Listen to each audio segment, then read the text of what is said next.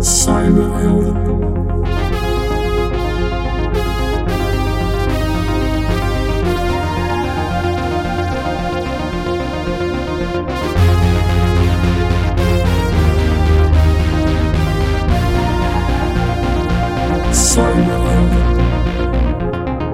Welkom bij alweer de 16e aflevering van Cyberhelden, de podcast waarin ik in gesprek ga met een gast die zich bezighoudt met de digitale dreiging.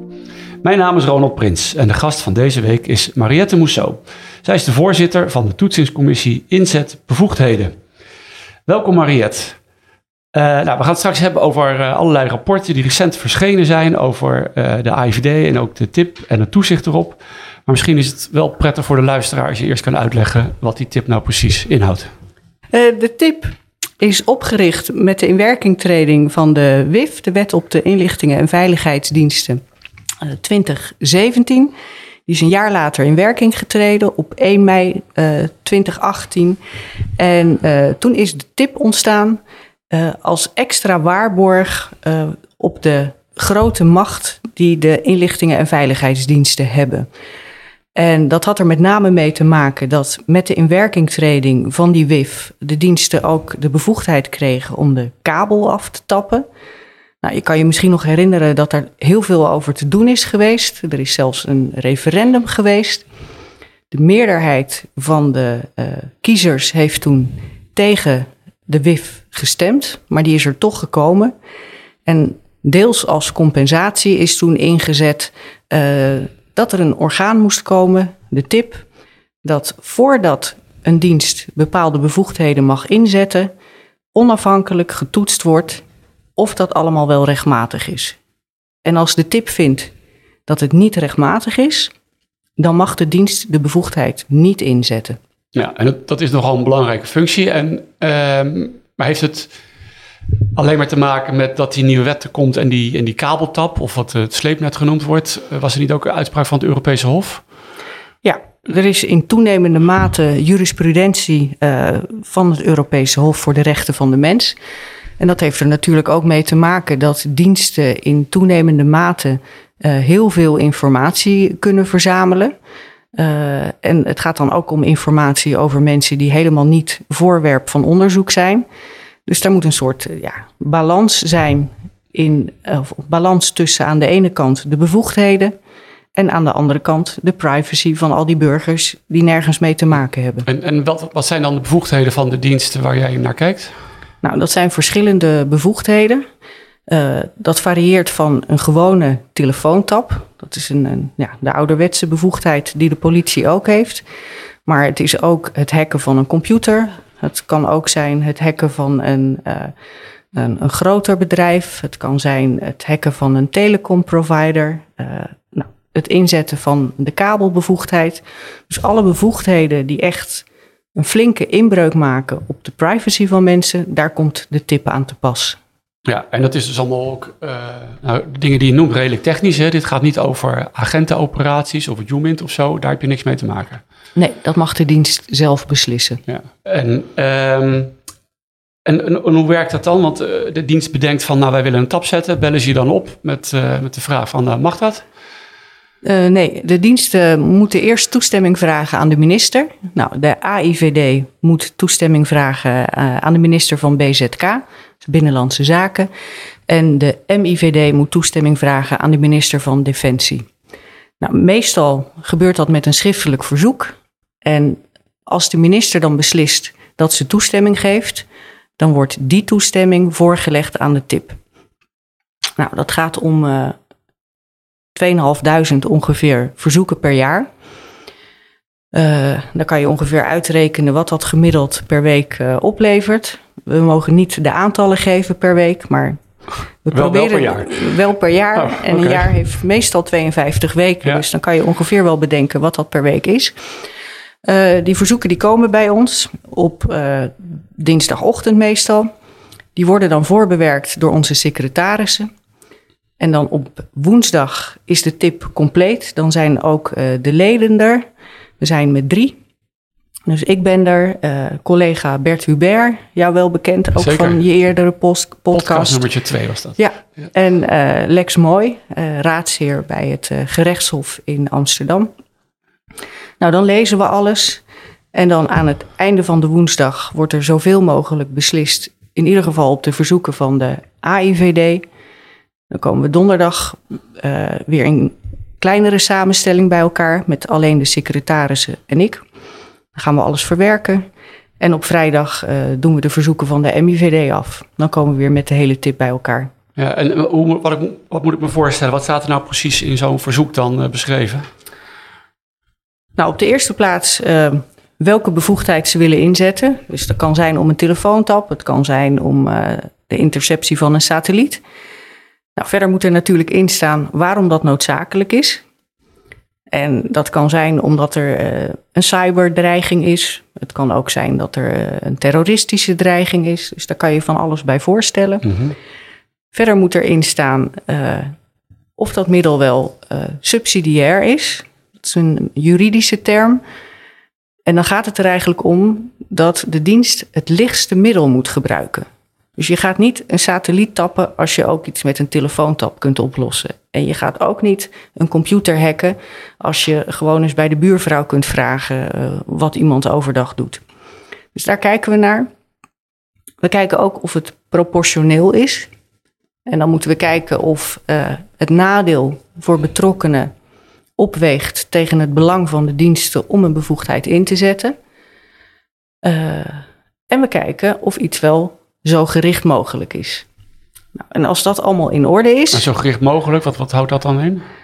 Um, als je het heel kort samenvat, dan kan je eigenlijk zeggen: er moet niet te veel bijvangst zijn. Oh ja. En uh, zo gericht mogelijk, dat staat eigenlijk niet in de wet zelf op dit moment. Um, maar we moeten er wel aan toetsen, omdat dat een uh, motie was destijds van het Kamerlid Recour. En de minister heeft dat overgenomen in een beleidsregel. Nou, op dit moment ligt er een wetswijziging voor, die ligt in de Eerste Kamer. En daarin staat juist ook deze motie verwoord. En dan is het de bedoeling dat dat wet gaat worden. Ja, we gaan het er straks nog over hebben, want dat klinkt Ja. wel ingewikkeld. Aan de ene kant doen ze ongerichte taps, hè, die, die grote kabeltap. Ja. En dat moet dan weer zo gericht mogelijk. Nou, dat, daar zit spanning op, denk ik. Ehm, nou ja, goed, dit komt dus binnen. En eh, ehm, ja, aan het eind van de dag, van die woensdag, zeg je dan, nou, dit is goed of niet goed. Eh, en is het altijd gelijk helemaal duidelijk wat, wat ze nou precies willen? Want het zijn soms, ik heb het zelf natuurlijk ook gedaan, eh, redelijk technisch complexe verhalen. Ja. Nee, het is, uh, dat zou heel makkelijk zijn als het allemaal ja of nee uh, zou kunnen worden. Dat zou iedereen een hoop werk uh, besparen. Maar soms is het gewoon niet duidelijk. dan ontbreekt er informatie of het staat zo opgeschreven dat je het eigenlijk op verschillende manieren kunt interpreteren. En dan stellen we vragen. Mm. Um, En dan bel je de minister op.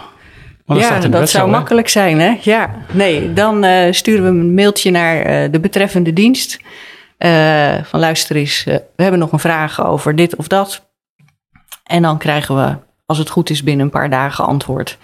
En dan kunnen we alsnog de zaak beslissen. Ja, en, en als je um, iets hebt afgekeurd, dan houdt het gewoon op en dan is het einde oefening voor. Dus dat mag niet meer. Dan is het op dat moment einde oefening, maar de dienst kan dan wel een nieuw verzoek indienen. Dat gebeurt ook vaak. Uh, en dan zou je kunnen Want je denken... maakt ook wel duidelijk waarom je hem afkeurt. Ja, we moeten ja. motiveren waarom we iets onrechtmatig vinden. Uh, en dat doen we ook. Dan leggen we uit dat het bijvoorbeeld niet proportioneel is. Of we leggen uit uh, dat technische risico's niet beschreven zijn. En dat we eigenlijk niet kunnen beoordelen of het verzoek wel veilig is. En wat, wat zijn technische risico's in deze zin dan? Nou ja, dat speelt met name bij de hackoperaties. Um, zoals jij uh, zult weten, als je hackt, dan kan er ook wel eens wat misgaan. Ja. Dus uh, een systeem kan uit de lucht gaan. Nou, als het nou één computer van één iemand is, is dat misschien niet zo heel erg. Uh, maar je kunt ook grotere systemen hacken, zei ik net al. En ja. als dat een telecomprovider is, nou ja, dan kan het betekenen dat mensen in een bepaalde regio niet meer een ziekenhuis kunnen bellen. Maar, maar moet de dienst daar van tevoren helemaal uitleggen hoe ze denken dat grote, die grote telco uh, binnen te dringen. En, en dan gaan jullie beoordelen of daar risico's aan vastzitten? Nou, zoveel mogelijk. Kijk, in de ideale wereld moeten ze helemaal van tevoren aangeven wat ze gaan doen. Uh, maar je snapt natuurlijk ook, als je aan het begin van een operatie staat, dan weet je niet precies hoe dat gaat. Nou, daarvoor is er eigenlijk de scanbevoegdheid. Dus ze mogen eerst een beetje scannen en kijken van hoe zit het er ongeveer, uh, hoe zit het ongeveer in elkaar. Ja. Uh, maar vaak wordt uh, meteen ook al de hekbevoegdheid daarbij aangevraagd. Nou, we snappen dat je in het begin niet alles weet. Um, wat we dan zeggen is, als je drie maanden bezig bent en je bent nog niet klaar, je komt met een verlengingsverzoek, dan moet je ons wel informeren over de stappen die je genomen hebt en hoe je verder denkt te gaan en waarom je denkt dat dat veilig is. Ja, want zo'n hek, dat, kan dus wel drie maanden duren blijkbaar. Dat kan uh, zeker wel drie maanden duren en sommige die kunnen ook wel veel langer duren. En de, en de goedkeuringen die je geeft, die zijn dan steeds voor een periode van drie maanden ook? Ja, in principe alle bevoegdheden zijn voor maximaal drie maanden en dan moeten ze verlengd worden. Uh, behalve de echt heel grote bevoegdheden, het intercepteren van uh, satellieten en de kabel, die gelden voor een jaar. Dus hoe meer je binnenhaalt, hoe langer je het mag doen. Ja, zo zou je het wel kunnen zien. Ja, ja. Hey, um, nou, voordat je dit werk deed, was je eerst raadsheer bij het Hof in Den Haag. En uh, ja, wat bracht je ertoe om te denken, nou, laat ik eens in die inlichtingenwereld gaan kruipen? Nou, ik had er al mee te maken gehad, want voordat ik raadsheer werd, uh, ben ik rechtercommissaris geweest in Den Haag. En uh, de RC in Den Haag is degene nog steeds die bepaalt of de diensten pakketjes open mogen maken. Dus nou ja, klassieke brieven, maar ook andere postpakketjes. Dat mogen de diensten niet zomaar. Um, en dat staat in de grondwet geregeld of zo? Hè? Dat, dat is, uh, ja, dat wordt beschermd ook de, de, door de grondwet. Het briefgeheim is dat. Dat, dat is een, een groot goed. Dus ik had daar al een beetje mee te maken gehad. Ja, op een gegeven moment is er een beslissing gekomen van het Hof Den Haag dat de diensten niet meer zomaar uh, advocaten of journalisten mochten tappen of hacken, maar dat daar een onafhankelijk toets op moest komen. Oh ja. Nou, toen is er een tijdelijke regeling gekomen. En toen is de voorzitter van de CTIVD aangewezen om daar een beslissing over te nemen. En ik ben toen uh, erin gekomen als plaatsvervanger. Uh, en feitelijk heb ik dat gedaan omdat de voorzitter van de CTIVD destijds zei: ja, wij doen ook al uh, het toezicht lopende, ja, ja. allerlei operaties. We willen dat niet, we willen geen belangenverstrengeling. Ja. Dus toen heb ik ermee te maken gekregen. Nou ja, toen kwam de nieuwe WIF en de nieuwe functie. Toen vond ik het wel heel leuk om dit te gaan doen. Ja, en, um, maar, en, en hoe is het nu voor jou? Vind je het nog steeds heel leuk? Ik vind het nog uh, elke dag heel leuk. Ik ga ja. nog echt iedere dag met een grote glimlach uh, naar mijn werk. Net als drie jaar geleden toen we begonnen. En aan de ene kant is het natuurlijk zwaar werk. Ja. Er wordt uh, soms best wel wat druk op ons uitgeoefend. Of er wordt geprobeerd om druk op ons uit te oefenen. Om, om een toestemmingsverzoek te krijgen? Ja. Het is natuurlijk niet leuk als wij iets onrechtmatig beoordelen. Dus dan wordt er wel een beetje gemopperd. Ja. Maar hoe moet je dat voorstellen dan? Belt dan minister Ollekren op en zegt, wat doe je nou? Nee, gelukkig niet. Die is wel zo verstandig om, om dat niet te doen. maar er wordt wel, het zij via de secretaris te kennen gegeven dat dit niet helemaal de bedoeling was. En nou, in de wandelgangen heb merken dat, we wel Heb je dat als ook meegemaakt? Dat er wel eens nee, iemand naar je nee. toe kwam zeggen... wat heb je nou voor een uitspraak gedaan? Nou, als rechter zit je natuurlijk in een vrij luxe positie... dat je eigenlijk niet benaderd wordt. En je ziet in de media wel eens van... nou, belachelijk, die rechter heeft een veel te lage straf opgelegd. Maar je wordt nooit zelf benaderd. Nee. En uh, er zal ook niet een officier van justitie het in zijn hoofd halen... om de president van de rechtbank te bellen... en te zeggen van, wat, wat hebben jouw rechters nu gedaan? Ja. Dus als rechter heb je wat dat betreft een luxe positie. Ja, maar goed, uh, uh, jij bent rechter, of je was in ieder geval rechter. Lex is dat ook. Ja. En zo wordt dus niet naar de tip gekeken als dat het ook een soort rechtbank is uiteindelijk. Nee, kennelijk toch niet. Er wordt toch af en toe geprobeerd van kunnen we niet een beetje onderhandelen over een beslissing. Nou, wij geven keer op keer aan dat we openstaan om met mensen in gesprek te gaan en om uh, meer informatie te verkrijgen, maar we gaan niet onderhandelen. Ja. En, maar die boodschap is nog niet zodanig geland dat ze ook nooit meer proberen, dus blijkbaar. Nee. nee. Hey, um, en is het ook spannend, want uh, die diensten doen natuurlijk ook uh, bijzondere dingen, ook om ons land te beschermen. Ja. Daar zit je dan middenin. Het is soms reuze spannend. de diensten kunnen heel veel. en ze hebben echt ook gewoon hele mooie operaties lopen. En daarvan is het denk ik ook maar goed dat die operaties lopen, want we worden ook beschermd door de diensten. en dat maakt het werk natuurlijk ook heel leuk. Ja, en kan je dan nog s'avonds gewoon nog naar het journaal kijken? Ik kan naar het journaal kijken en af en toe kijkt mijn man me dan aan en dan kijkt hij van, uh, heb jij hier iets mee te maken gehad? Maar hij weet dat ik daar niet op reageer. Nee, ik weet dat jij heel stil kan zijn. Ja. ja. Um, nou ja, ja, in het begin toen die tip kwam, ik heb dat zelf ook over me heen gekregen, van, vonden mensen nog wat van, van wie dan opeens in die tip ging zitten. En ik kan me nog... Uh, Paul Abels herinneren, die uh, heel hard op Twitter uh, tekeer ging. En die zei van, ja, iedereen die daarin zit, die moet op zijn minst intelligence uh, achtergrond hebben. Als je geen kennis hebt over intelligence, dan kan je daar helemaal niks. hoe heb jij dat ervaren?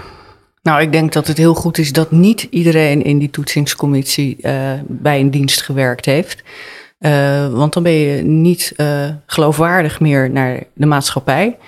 Um, we hebben jou als lid gehad met uh, nou, lang geleden ervaring bij de dienst. Ja, dat was voor sommigen juist ook weer een punt van kritiek. Hè, dat, daar vielen mensen ook overheen. Uh, we hebben een secretaris die uh, bij de dienst heeft gewerkt. Dus we hebben die kennis echt wel. We laten ons ook regelmatig bijpraten door de diensten.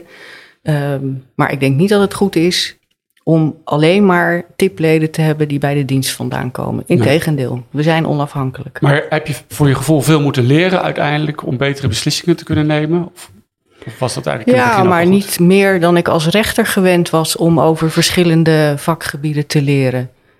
En achteraf gezien uh, was onze inwerktijd misschien een beetje kort, vier weken. Ja. Dus uh, het eerste jaar was het ontzettend aanpoten. En je merkt wel dat naarmate je er langer zit, uh, je er meer verstand van krijgt.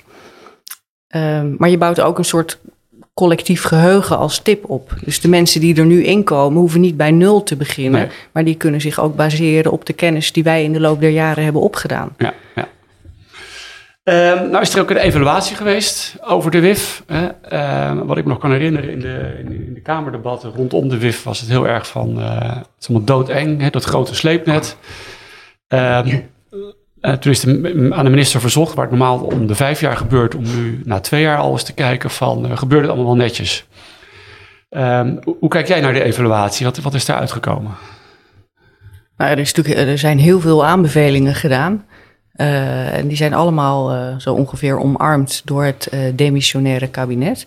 Ik ben heel blij dat de evaluatiecommissie heeft geconstateerd dat de tip heeft bijgedragen aan de verhoging van de kwaliteit van verzoeken van de diensten. Uh, ik denk dat de diensten een aantal uh, processen nu ook echt beter op orde hebben dan drie jaar geleden. En dat was ook nodig. Maar denk je dan ook dus dat, moet ik er maar uit horen, dat, dat in de tijd daarvoor, voordat er de tip bestond, dat er soms ook wel eens iets gebeurde door de diensten wat misschien niet rechtmatig was? Dat weet ik niet. Daar kan ik niet over oordelen. Nee. Daar kan je alleen maar over speculeren. Nou, dat doe ik niet. Um, we hebben in ieder geval gezien dat uh, vanaf het begin tot nu dat er echt wel een kwaliteitsverbetering is opgetreden. Ja. Um, wat ik heel erg jammer vind, is dat in het evaluatierapport dus aan de ene kant staat, de tip heeft bijgedragen door de toets uh, aan de verbetering van de kwaliteit. Het is een belangrijke waarborg. En tegelijkertijd uh, worden er aanbevelingen gedaan waardoor die waarborg eigenlijk helemaal uitgehold wordt er wordt uh, een belangrijke bevoegdheid, uh, de selectiebevoegdheid. Uh, daarvan zegt de evaluatiecommissie, ja, dat moet eigenlijk maar vervallen. Moet je even uitleggen wat die selectiebevoegdheid inhoudt? Ja. Um, als je een satelliet tapt of als je de kabel tapt, krijg je een heleboel informatie binnen. En daar kan je niet meteen iets mee. En de selectiebevoegdheid kan je een beetje vergelijken met een soort vertraagde telefoontap maar dan een heleboel tegelijk. Dus je hebt niet één live telefoontap die je op één iemand zet, maar je trekt de satelliet leeg. En als je dan gaat selecteren uit de inhoud, dan kan je van 10 of 20 of 100 of 1000 mensen tegelijk, kan je de telefoongesprekken terugluisteren. Of je kunt inhoud terughalen. Dus dat is een hele belangrijke bevoegdheid. Ja, dus in eerste instantie, nou ja, uh, laat ik het dan maar heel plat zeggen, mag die grote stofzuiger alles binnenhalen. Ja. Maar het mag pas bekeken worden op individueel niveau nadat je dat nog een keer hebt goedgekeurd ja. voor die personen. Ja. En dat was ook een belangrijke extra waarborg uh, voor de kabelinterceptie. Ja. Hè, er is gezegd, er komen verschillende sloten op de deur. En een van de belangrijke sloten is dat niet zomaar de inhoud uit die kabelopbrengst bekeken zou mogen worden, uh, maar dat eerst de tip daarnaar moet kijken. Nou, dat wordt nu weggehaald als het uh, doorgaat. Ja, en wat kan je dan nog wel toetsen? Nou, wat we nog wel kunnen toetsen, dat zijn de kleinere bevoegdheden. Nee, maar ook aan de voorkant dat die stofzuiger open gaat. Ja, dat mag je toetsen. Maar dan weet je maar, eigenlijk niet precies weet, wat er gebeurt. Je hebt geen idee wat er daarna mee gebeurt. Dus dat wordt dan, ja, een beetje wassen neus. Ja, een marginale toets. Ja, daar gaat het wel naartoe. Want de toets zelf, uh, die wordt ook uitgehold. Um, we mogen niet meer kijken naar uh, bepaalde aspecten die echt van belang zijn. Nou, een voorbeeld daarvan is dat we nu van tevoren willen weten: is er sprake van deling met het buitenland? En dat is met name dan uh, als het gaat om bulkgegevens of, uh, ongeëva of ongeëvalueerde gegevens. Um, en dan kan je zeggen, ja, het is logisch, natuurlijk moet er gedeeld worden met het buitenland. Nou, dat snapt de tip ook. Uh, het is ook overigens niet aan de tip zelf om te beslissen of er gedeeld mag worden. Dat moet de minister beslissen. Maar als dat dan gebeurt, moet je wel bedenken dat als één iemand jouw post leest, of als één iemand jouw telefoongesprek afluistert, of als één iemand jouw berichtjes uh, leest, is dat iets anders dan wanneer een buitenlandse dienst dat ook doet. Daar kunnen best wel wat consequenties aan zitten, want een buitenland kan zeggen van nou je krijgt geen uh, inreisvergunning meer. Dus het is echt wel een grotere inbreuk op de privacy. En soms mag dat ook, en heel vaak mag dat ook, maar we willen het wel mee kunnen toetsen. Maar okay, dat delen, dat is eigenlijk, je kan een aantal fases zien als de informatie binnenkomt. Je hebt eerst de verwerving, dus het binnenhalen, daarna de verwerking. En, uh, en de tip die gaat over het verwerven het binnenhalen van informatie. En als je het dan gaat delen of je gaat er, uh, uh, dat opplussen en dan doorgeven aan andere landen, ja, dat is dan toch niet meer jouw domein? Nou, wij vinden van wel, want een deel van de uh, verwerking is al voorzienbaar op het moment dat je het gaat verwerven. vaak weet je al of je het gaat delen. Maar je weet bijvoorbeeld ook al of je dingen gaat weggooien of niet. Nou, dat willen we ook weten. Ja. Stel, ja, je hebt een paar targets op het oog. En om daar informatie over te krijgen, moet je een telco hacken. Nou, als we alleen maar die afweging moeten maken, dan kunnen we zeggen: ja, dat is gewoon niet proportioneel. Je gaat niet voor 10 of 20 mensen gegevens van miljoenen mensen binnenhalen. Ja. Dus dan zouden we moeten zeggen: dat is onrechtmatig. Als we nou weten dat de dienst zegt: ja, maar wat we te veel binnenhalen, dat gooien we meteen weer weg. Dan kan het opeens wel rechtmatig worden. Dus dan kunnen we zeggen, oké, okay, doe maar. Dus als wij die informatie niet kunnen gebruiken, kunnen we geen goede beslissing nemen. En dan betekent het dat we of ten onrechte gaan zeggen, uh, doe maar niet, want het is niet proportioneel. Nou, dat is niet goed voor de nationale veiligheid. Nee. Of we worden een stempelmachine. Dat we zeggen, nou ja, we weten niet uh, wat je ermee doet, maar ga je gang maar. Ja. ja, dat gaan we natuurlijk niet doen. Nee, dat snap ik ook. Als je niet meer die selectielast uh, zelf ook nog beoordeelt, maar dat, dan wordt die dus beoordeeld door de dienst zelf. Hè? Ja. De, de baas van de IVD mag dat mandateren aan een, uh, aan een ambtenaar bij hem. Um, hoe, hoe, vertaalt zich, wat, wat zou dat nou betekenen uiteindelijk voor onze privacy? Nou, we hebben dat in het verleden gezien bij uh, selectieverzoeken die we wel hebben getoetst. en dat waren nota bene verzoeken voor uh, het buitenland. Dus dan zou de Nederlandse dienst uh, een selectiebevoegdheid inzetten voor een ander land. Uh, en toen is het echt een paar keer voorgekomen dat het misging, dat we op de selectielijsten zagen dat er bijvoorbeeld een persbureau op stond of een advocaat. Nou, dat is natuurlijk echt niet de bedoeling. En zeker niet als dat naar het buitenland gaat. Ja. Dus als de toets van de tipper niet was geweest, dan was dat er niet uitgevist. Ja. Dus het is echt belangrijk. En is dat, dat dan ook de reden, vinden de diensten dat vervelend, dat je zo met die details bezig bent, dat daarom, want ik neem aan dat zij dat die evaluatiecommissie hebben ingefluisterd, dat het daarom eruit moet? Ja, ik weet niet hoe het in de evaluatiecommissie terecht is gekomen, want dit is nou een onderwerp wat wij eigenlijk niet besproken hebben. Ehm, maar ik kan me voorstellen dat het voor de diensten lastig is als wij af en toe op de rem trappen. Ja. Ehm, ander punt wat ook in die evaluatie naar boven is gekomen, dat is over het, de bestuursrechter ook een rol te geven. En ehm, op zich kan ik me ook voorstellen dat die diensten, die, die krijgen dan vanuit de tip te horen, nee, dit gaat niet door. En zij denken, ja, maar volgens ons is het echt wel rechtmatig. Ja, omdat het ook zo bindend is, hebben ze ook geen enkele andere optie. Is het dan toch niet nou ja, logisch of billig dat er, nog, dat er nog een andere rechter is waar ze heen kunnen gaan? Op zich wel. Het is ook een figuur die je uh, vaker ziet bij toezichthouders. Hè, dat, dat er dan nog een hoger beroepsmogelijkheid is. Nou, de tip is ook niet tegen hoger beroep. Ik kom uh, zelfs bij een, zelf bij een hoger beroep club weg. En Lex Mooi is nog steeds rechter in hoger beroep. Dus daar zijn we niet principieel op tegen. Um, je kunt je wel afvragen wie er in hoger beroep gaat namens alle mensen die opeens onderwerp worden van onderzoek. Ja. En nog erger, uh, de mensen die eigenlijk geen voorwerp van onderzoek zijn, maar waarvan wel gegevens in de grote bak komen, die weten dat niet. Die kunnen niet in hoger beroep ja. waarschijnlijk. Dus, dus je zegt van als de IVD dat moet kunnen, moet de andere kant het ook kunnen. Maar praktisch kan dat niet, want dan zou iedereen moeten vertellen welke ja, maar het, het is wel iets waar de wetgever heel goed over na zou moeten denken. Want nu is het hoger beroep echt een extra mogelijkheid voor de diensten om uh, toch nog iets rechtmatig beoordeeld te krijgen. Ja, dus een extra kans. Het is een extra kans. Ja. ja. Hey, en de bestuursrechter wordt nu naar voren geschoven. Wat mag hij dan gaan doen straks? Um, ja, dat is een stukje waarvan uh, het kabinet ook gezegd heeft, dat moeten we nog goed uitzoeken. Dus dat is voor mij een beetje speculeren. Okay. Maar eh, ja, waarschijnlijk zal het plan zijn dat de bestuursrechter nog een keer toetst uh, wat de tip heeft beoordeeld. Ja. En dat zal waarschijnlijk een marginale toets zijn, want zo toetst de bestuursrechter. Maar ja, dan moet ik echt vooruitlopen op iets uh, wat ik niet kan weten. Ja. Um, nou heeft ook de Rekenkamer uh, recent een rapport uitgebracht. Die hebben eigenlijk gekeken naar, uh, ja, kan de dienst zijn werk nog wel doen met deze nieuwe WIF? En een belangrijk onderdeel natuurlijk is dan ook uh, het waarborgenregime, wat er nogal druk op zet.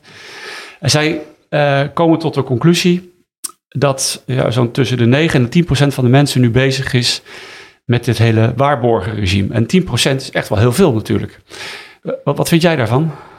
Nou, ik kan niet helemaal plaatsen of dat veel is of niet, want ik weet niet de cijfers van andere landen.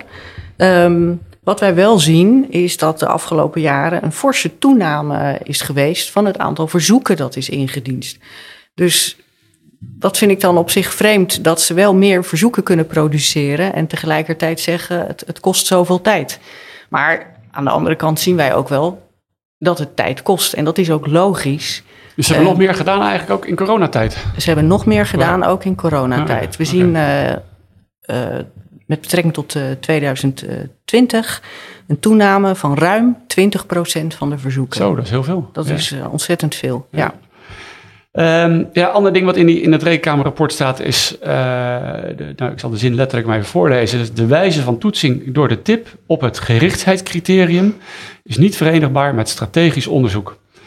Dus ja, ik, ik lees eruit, zij kunnen dus uh, strategisch onderzoek, ik weet niet precies wat dat is, maar heel belangrijk onderzoek kunnen ze niet meer doen, omdat jij uh, op een bepaalde manier het gerichtheidscriterium interpreteert. Nou ja, de manier waarop de tip het uh, gerichtheidscriterium interpreteert, is ongeveer letterlijk overgenomen door de minister in het wetsvoorstel wat nu in de Eerste Kamer ligt. Dus dat is niet alleen maar iets van de tip, maar de ministers hebben zich daar ook achter geschaard. en op zich begrijp ik wel dat als je strategisch onderzoek wil doen, dat dat zich moeilijk verhoudt tot je moet zo gericht mogelijk achter één target aan. Maar het verschijnsel strategisch onderzoek is ook iets waar de tip zelf best wel mee worstelt.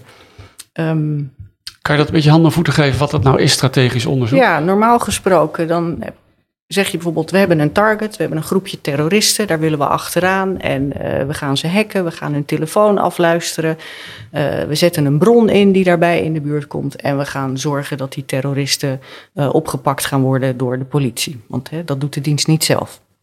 Nou, dat is een concreet onderzoek. Bij een strategisch onderzoek heb je misschien nog niet een concreet target op het oog, maar ga je ergens een positie innemen in een netwerk voor het geval je later in contact wil komen met je targets. Ehm, en dan is het de vraag of dat mag. Want de WIF laat zich daar niet heel duidelijk over uit. Ehm, diensten willen dat wel. Mhm. Nou, in sommige gevallen eh, heeft de tip geoordeeld dat dat binnen de kaders van de wet was en zijn we daarmee akkoord gegaan. Maar het is ook voorgekomen dat eh, de tip heeft gezegd: nee, dit kan niet binnen deze WIF. Dus kan niet binnen deze wet. Ja, Ja. Dat, dat is vervelend voor de diensten. Ja. Maar het is echt iets waarvan de tip zegt: wij zijn niet de wetgever. Als de wetgever vindt dat dit moet kunnen, dan moeten ze dat maar expliciet zeggen. ja. Maar het is niet aan ons om de wet te maken. En het is natuurlijk niet helemaal helder hè, eh, de, voor de Kamerleden ook die dan die wet ooit hebben goedgekeurd, wat nou precies dan eh, die, die strategische hackoperaties zouden zijn. Die geeft wel een, een tipje van de sluier, lig je op, zag ik in het jaarverslag. Eh, want daarin staat, deze strategische toegangspositie kan de diensten in een hypothetisch voorbeeld vervolgens toegang verlenen tot anderszins ontoegankelijke communicatie, zoals versleuteld berichtenverkeer. Ja, nou, ja ik, vind het ook een beetje eng om hardop te denken. Maar eh, het laat wel zien dat ze, je noemt versleuteling, versleuteling, dat ze heel erg bezig zijn om te kijken of ze in de infrastructuren van het internet misschien wat kunnen uithalen. Dat hebben we gezien eh, met onthullingen van Edward Snowden. Of ik moet ook een beetje denken aan, eh, aan SolarWinds. Ja. Eh, is dat, is dat, zijn dat dit soort operaties dat wij ook willen inbreken ergens bij een eh, leverancier van software om op daarna ergens anders weer binnen te kunnen komen? Nou, ik kan het niet eh, concreter maken dan we het hebben opgeschreven in het jaarverslag. Ehm, hè, want wat de diensten echt willen en echt doen is natuurlijk staatsgeheim. Maar SolarWinds is wel een heel mooi voorbeeld van eh, hoe het in het buitenland eh, mis is gegaan. Hè. Dat is eh, een, een supply chain attack. Er zijn achterdeurtjes ingebouwd. En dat is gigantisch uit de hand gelopen. Er is heel veel schade aangericht.